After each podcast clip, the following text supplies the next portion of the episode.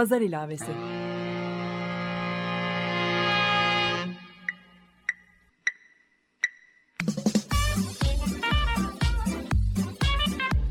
...1936'dan günümüze 80 yıllık bir zaman tüneli. Hazırlayan ve sunan Didem Özbek.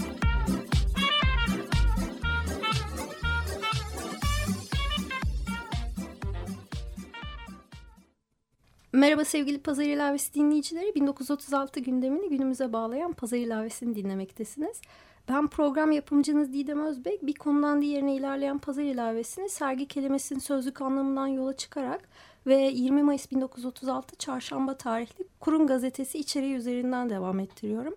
2012'den beri üzerine çalıştığım bu çok katmanlı görsel sanat projesinin sözel çevirisini Açık Radyo'da sergiliyorum. Pazar ilavesini düzenli olarak dinleyenler biliyorlar ki programımın genel içeriğini 80 yıl önce yayınlanmış 1936 tarihli bir gazete oluşturuyor. Sait Faik'in bir karpuz sergisi hikayesinin ilk kez yayınlandığı bu gazete bugün ülke gündemini hala meşgul eden birçok haber içeriyordu. Ve bana bir kısır döngüde yaşadığımız hissini veren bu gazeteyi ben bir sanat işi olarak 20 Mayıs 2012 Pazar günü üzerine bir renk müdahalesinde bulunarak yani tam 76 yıl sonra tıpkı baskısını gerçekleştirerek bin adet bastım. Bir dizi performans ve konuşma programı beraberinde Salt Galata'da ücretsiz olarak dağıtıldı bu gazete. 1936'da çarşambaya denk gelen 20 Mayıs 2012 yılında pazar gününe denk gelmişti. Bense bir sanatçının kurması zorunlu profesyonel ilişkileri pazarda var olması adına da dikkate alıp tabii ki pazar kelimesinin çift anlamını da dikkate alarak bir pazar ilavesi yayınlamayı ve 1936 gündemini günümüze ilişkilendirmeyi projemin en başında karar vermiştim. İşte bu yüzdendir ki pazar ilavesi nihayet bir radyo programı olarak her çarşamba sizlere ulaşıyor. Gelecek hafta destek günlerini gerçekleştirecek Açık Radyo'ya projeme inancı ve bana bir sanat projesi olarak bu yayını Açık Radyo'da sergileme imkanı verdiği için tekrar teşekkür ediyorum. Onların desteği benim için çok önemli. Sizlerden de Açık Radyo'ya imkanlarınız dahilinde 365 gün 6 saat destek olmanızı rica ediyorum. Şimdi tekrar 20 Mayıs 1936 tarihli Kurum Gazetesi'ne dönersek bugün gündemde olduğunu düşündüğüm haberlerden biri de kısa bir üçüncü sayfa haberiydi. 80 yıl önce gazetenin üçüncü sayfasında diğer şehir ve kültür sanat haberleriyle bir arada yer alan bu küçük haber neredeyse bugün tüm Türkiye gazetelerinde görmeye alışık olduğumuz toplumumuzdaki kadın erkek ilişkilerinin şiddetle sonuçlanmasına dair bir haber. Bugün bu haber üzerinden 3. sayfa haberciliğini konuşmak üzere iki gazeteci konuğum var.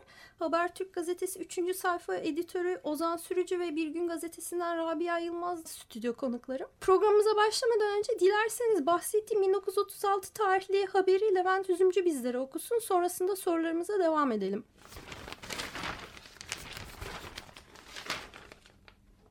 Kurun İstanbul Çarşamba 20 Mayıs 1936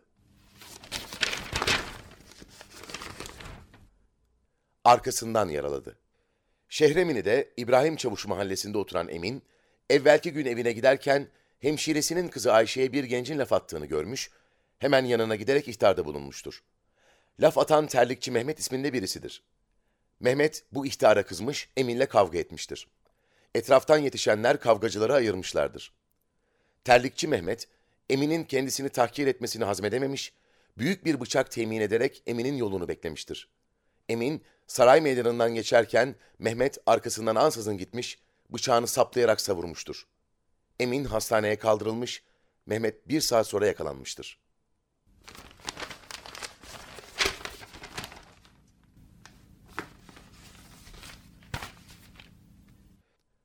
O günden bugüne bu tarz haberler artık üçüncü sayfaları tamamen kaplamış durumda. Ve üçüncü sayfa haberleri diye de bir anlayış var sanırım. Öncelikle Ozan sana sormak istiyorum. Üçüncü sayfa haberciliği nedir? Genel anlamıyla adli vakaların bir araya geldiği sayfa diyebiliriz işte cinayetler, dolandırıcılıklar vesaire. Burada tabii özellikle 90'lı yıllar, 80'lerin sonu ve 90'ların ortalarına kadar bu çok şiddetli bir şekilde yapılmış. Adeta şiddet pornosu. Ben biraz düzelmeye, değişmeye başladığını düşünüyorum açıkçası. Biraz daha dil dikkatli olmaya başladı gibi geliyor. Yine tabii bunun uç örnekleri çok sık oluyor. İşte hani eleştirilen özellikle kadın cinayetlerinde ve intiharlarda bunun olayı meşrulaştırmaya varan ifadelerin kullanıldığı bir dil oluyor. Fakat bunun biraz daha özellikle işte 90'ların ortasına kadar gelen süreçten biraz daha farklılaştığını ve daha hassas yaklaşabildiğini düşünüyorum meslektaşlarımın. Türk gazetelerinde üçüncü sayfa çok okumaya alıştığımız hani olmazsa olmaz bir sayfa diye de düşünüyorum. Hani insan ister istemez böyle bir bakıyor bugün ne olmuş diye. İstanbul ya da Türkiye genelinde. Siz peki gazetenizde bu tip haberlere nasıl yer veriyorsunuz? Gazete olarak da yayın politikası olarak sürdürdüğümüz şey şu.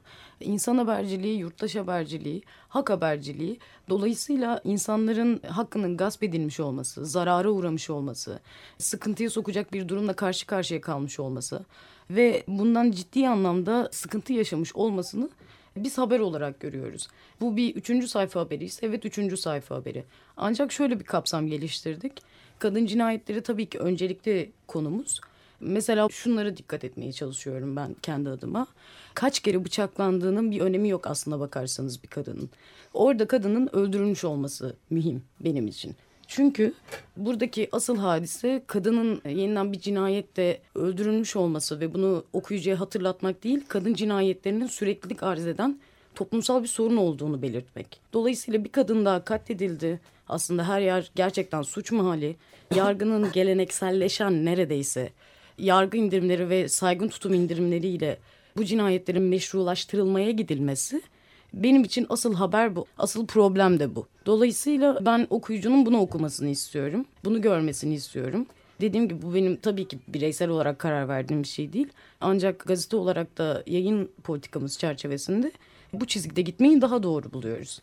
Ama bunun haricinde evet yani cinayetler dediğimiz kısmı çok ciddi bir infial yarattıysa toplumda, çok ciddi bir tepkiye yol açtıysa kamuoyunda onu görmemek olmuyor tabii ki. Görebiliyorsunuz ancak dilini evriltiyoruz. Daha soft vermeye çalışıyoruz. Dolayısıyla bizim aslında baz aldığımız şey bu. Üçüncü sayfamızda da adli vakaların haricinde dediğim gibi kadın cinayetleri öncelikli ancak bunun haricinde kentsel dönüşüm adı altında yaratılan, yağmaya açılan ve ranta açılan alanlar, sağlık hizmeti veren insanların uğradığı haksızlıklar, dolayısıyla eğitim alanındaki gericileştirme ve dindarlaştırma politikasının yansımaları ve buna ilişkin haberler. Daha çok gündemimizde tuttuğumuz haberler ve üçüncü sayfamızda yer verdiğimiz konular bu çerçevede.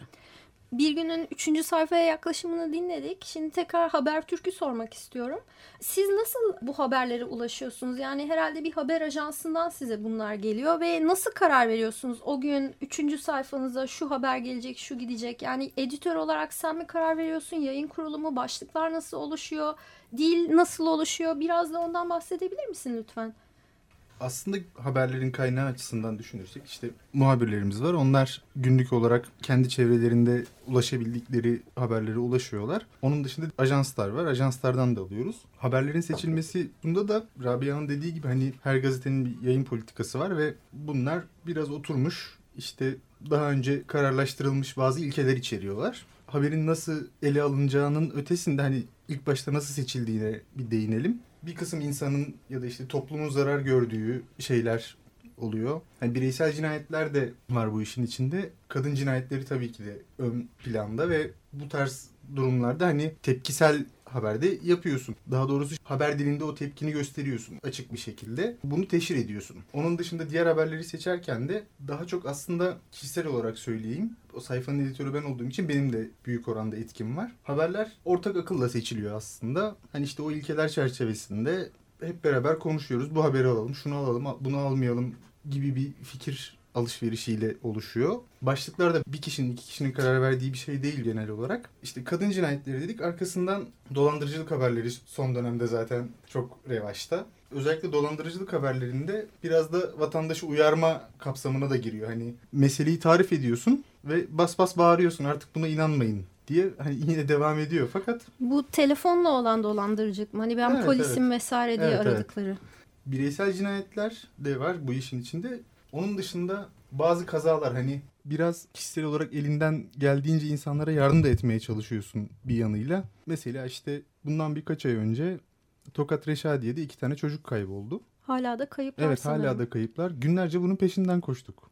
Normalde bu kadar peşinden koşturulmaz iki tane çocuğun. Ve bir şekilde işte üç gün beş gün aranır. Sonrasında orada o çocukları arayan görevliler de ellerinden bir şey gelmediği için belki de bırakırlar. Fakat sen peşinden koşunca bu işin üst üste üst üste işte 30 gün oldu hala bulunamadılar diye bu meseleyi gündemde tutunca tekrar tekrar başa dönüyor bu aramalar. Yok baraj kapağı kapanıyor, işte derenin debisi düşürülüyor daha kolay aranması için.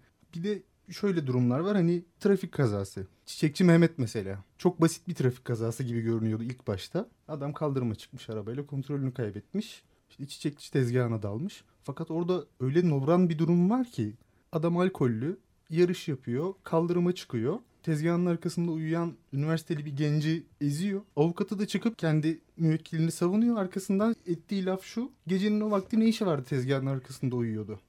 Şimdi bu nobran dili teşhir etmemiz gerekiyor. Gerçekten teşhir etmemiz gerekiyor. Bunun peşinden koşmamız gerekiyor. Eğer toplum adına bir derdimiz varsa gerçekten. Yani üçüncü sayfayı yaparken de aslında biraz eleştirilir, fazla eleştirilir. Ve açıkçası aşağılanır.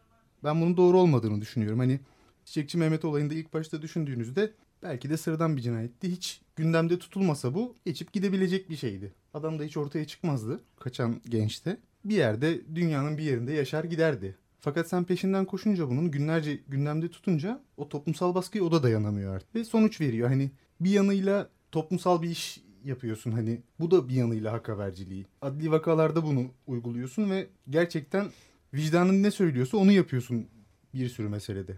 Çiçekçi Mehmet olayında mesela ben de bir okuyucu olarak farklı gazetelerden okuduğum için mesela o trafik kazasına sebebiyet veren gencin de hayatıyla ilgili bazı bilgiler basına yansıdığında bazı gazetelerde daha detaylı okuyabiliyorsun. Bugün artık bazı gazetelerde okuyamıyorsun. Bütün gazeteler adına aslında çok önemli bir şey bu bahsettiğin.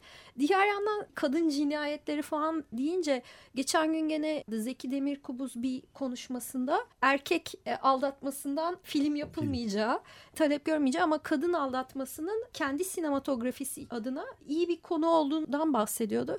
Bu tabii ki hani feminist bakış açısından da tartışılan bir konu ama diğer yandan da düşününce aslında hiç erkek öldürülmüyor mu? Mesela işte Çilem Doğan'ın haberleri çok büyük etki yarattı. Çünkü evet. dayanamayıp artık kocasını öldürdüğü için konu oldu ama eminim bu ülkede hala erkekler de birbirini öldürüyordur. Yani Kesinlikle. hani bir tek kadınları öldürdüklerini sanmıyorum.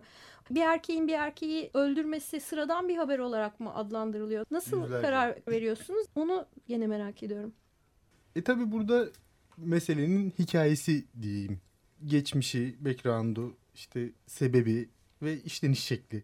Diğer taraftan da neye göre seçiliyor? E tabi hassasiyetlere göre seçiliyor. Öyle bir toplumsal cinnet halindeyiz ki kadın cinayetleri bile artık normalleşmeye başladı ve şaşırmıyoruz. Gerçekten şaşırmıyoruz. Ertesi gün başka gazetelere de baktığımızda şaşırmıyorsun artık ve garip bir hal almaya başladı. Bu işi yapan insanların psikolojisi de değerlendirilmeli bu meselenin içinde. Ben açıkçası şaşırmamaya başladıkça kendime şaşırıyorum nasıl oluyor da şaşırmıyorsun. Yani işte trafik kazası oluyor 30 kişi ölüyor bir anda.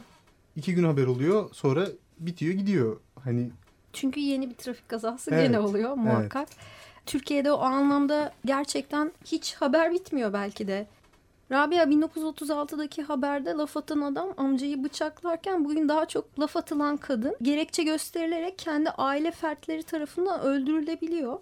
Gazetelerde her gün yayınlanan bu tarz haberlerin tekrarı üzerinden toplumumuzda kadın erkek ilişkileri adına senin gözlemlediğin bir değişiklik söz konusu mu? Hani 1936'dan bugüne özellikle bir gazeteci olarak yani her gün o gazete senin de elinden geçiyor yayına hazırlarken. Hı hı. Aslında şeyi görüyoruz burada 1936'daki bu haber yine belli noktalarda sosyolojik yapıda çok ciddi kırılmaların olmadığını gösteriyor. Dolayısıyla geldiğimiz nokta evet figürler değişmiş olabilir.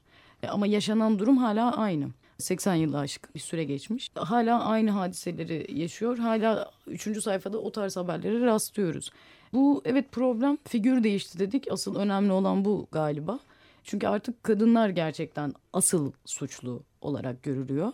Böyle bir raddede bir erkeğin e, bir kadını taciz etmesi, bir kadına yönelik hakarette bulunması ya da tecavüz etmesi tamamen kadının suçu olarak gösterilmeye başladı. Tabii ki bu sadece haberler çerçevesinde değil aslına bakarsanız bunun bir gerisi var. Şöyle zaten artık mahkemelerde bu tarz hadiselerde bu fikri destekliyorlar. iyi hal indirimleriyle, saygın tutumla ya da tırnak içinde rızası var diyerek 14 yaşındaki bir çocuğa tecavüz ediliyor ama mahkeme bunu rızası var diyerek açıklayarak durumu legalleştirmeye çalışıyor.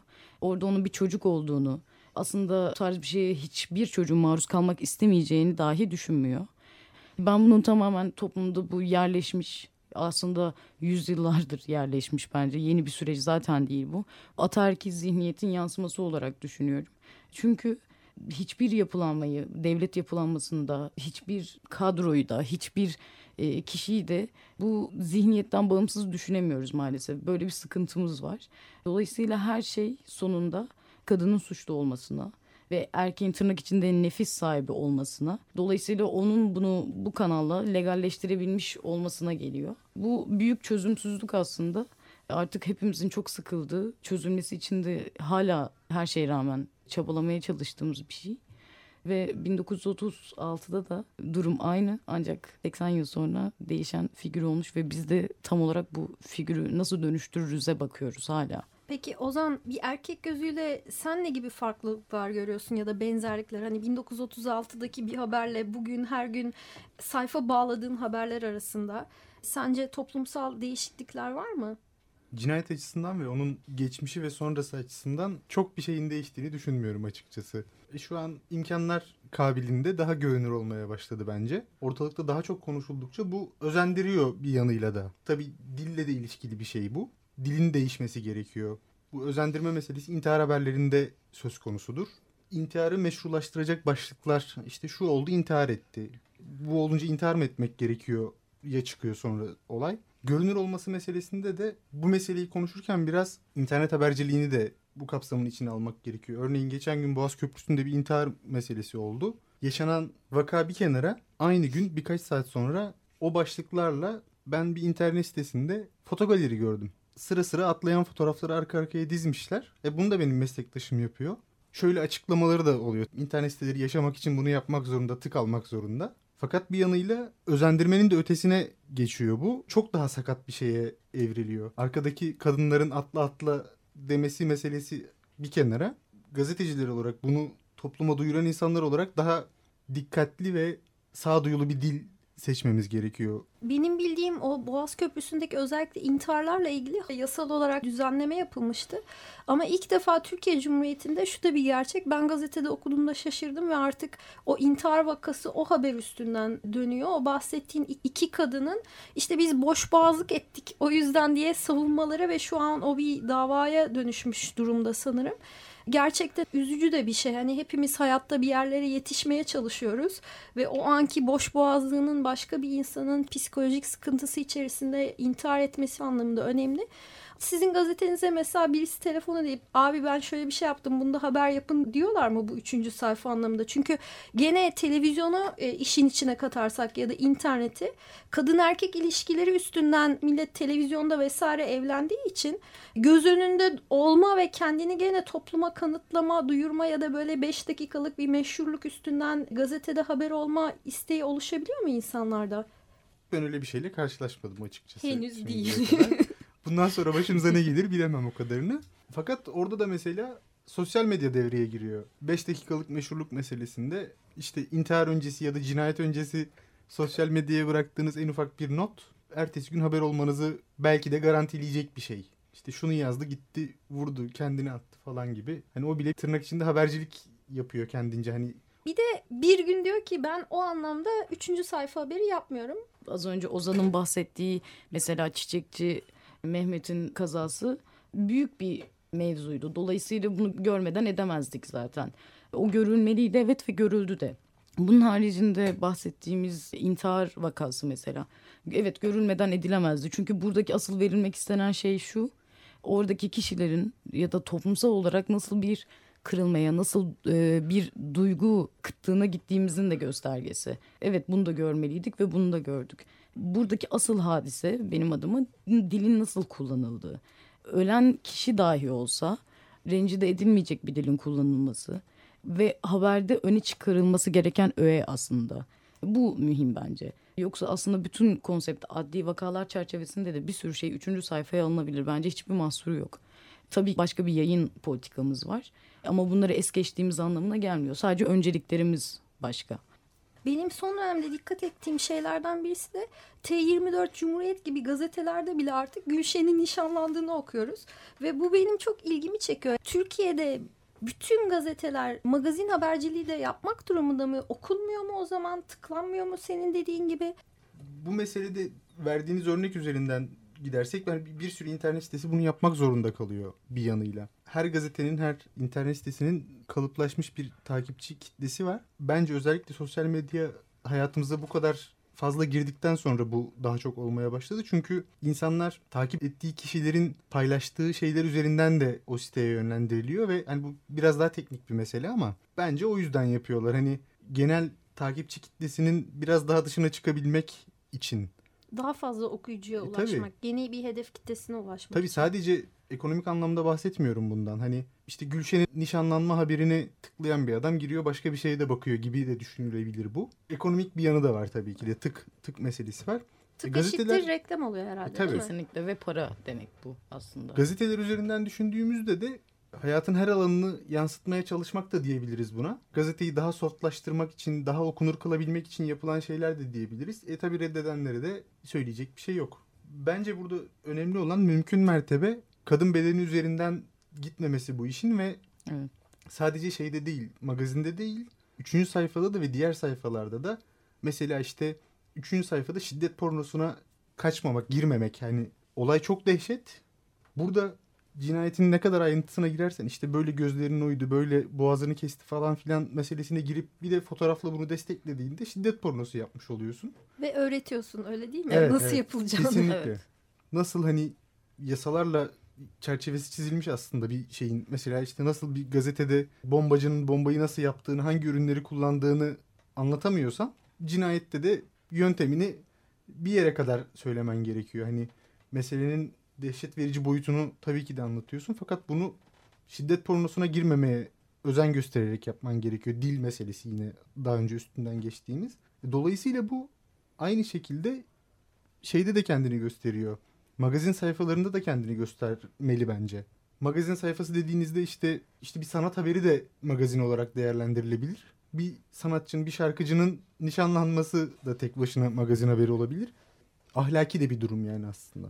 Senin ekleyeceğin bir şey var mı Rabia?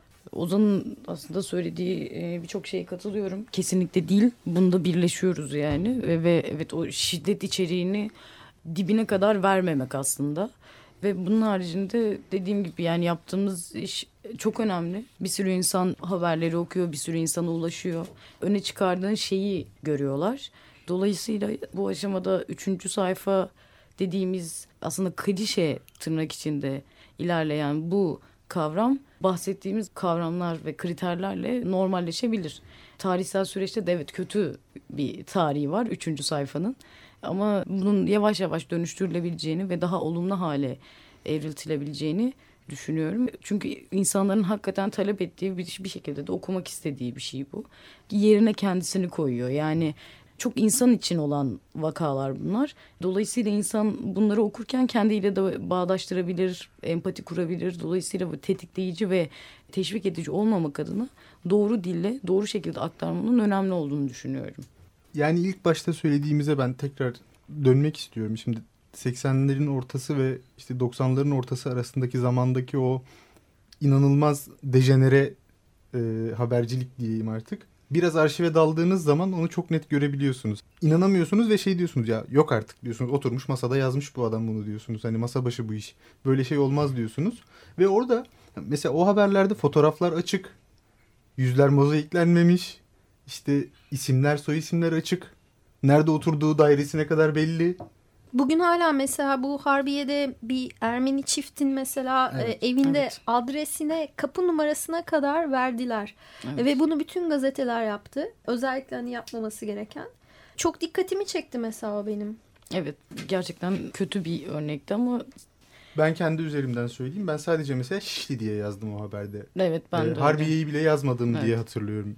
Evet, Sanırım evet. o polisin raporunu hemen alıp oraya geçiriliyor ama onu haber yapan kişinin bunu idrak edebilmesi gerekiyor herhalde. Buradaki asıl problem şu. e, az önce de bahsettik ya haberlerinizi nasıl seçiyorsunuz, nasıl geliyor diye.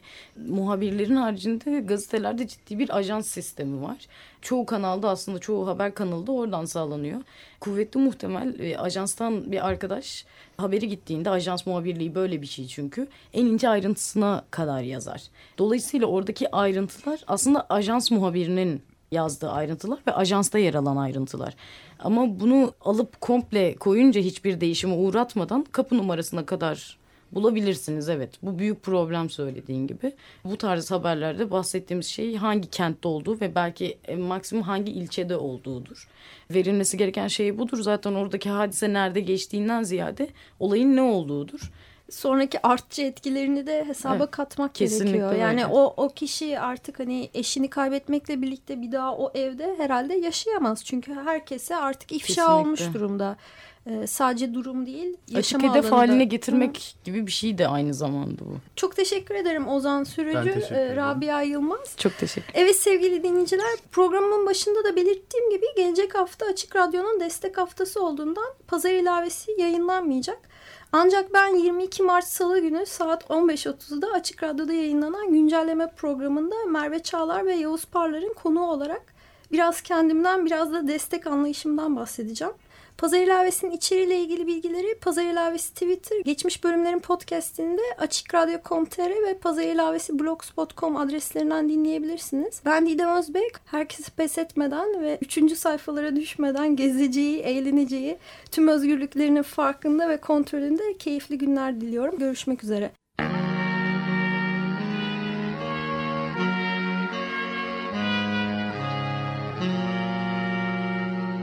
Pazar ilavesi.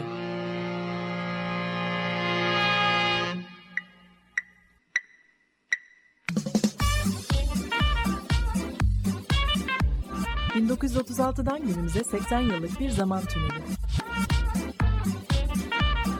Hazırlayan ve sunan Didem Özbek.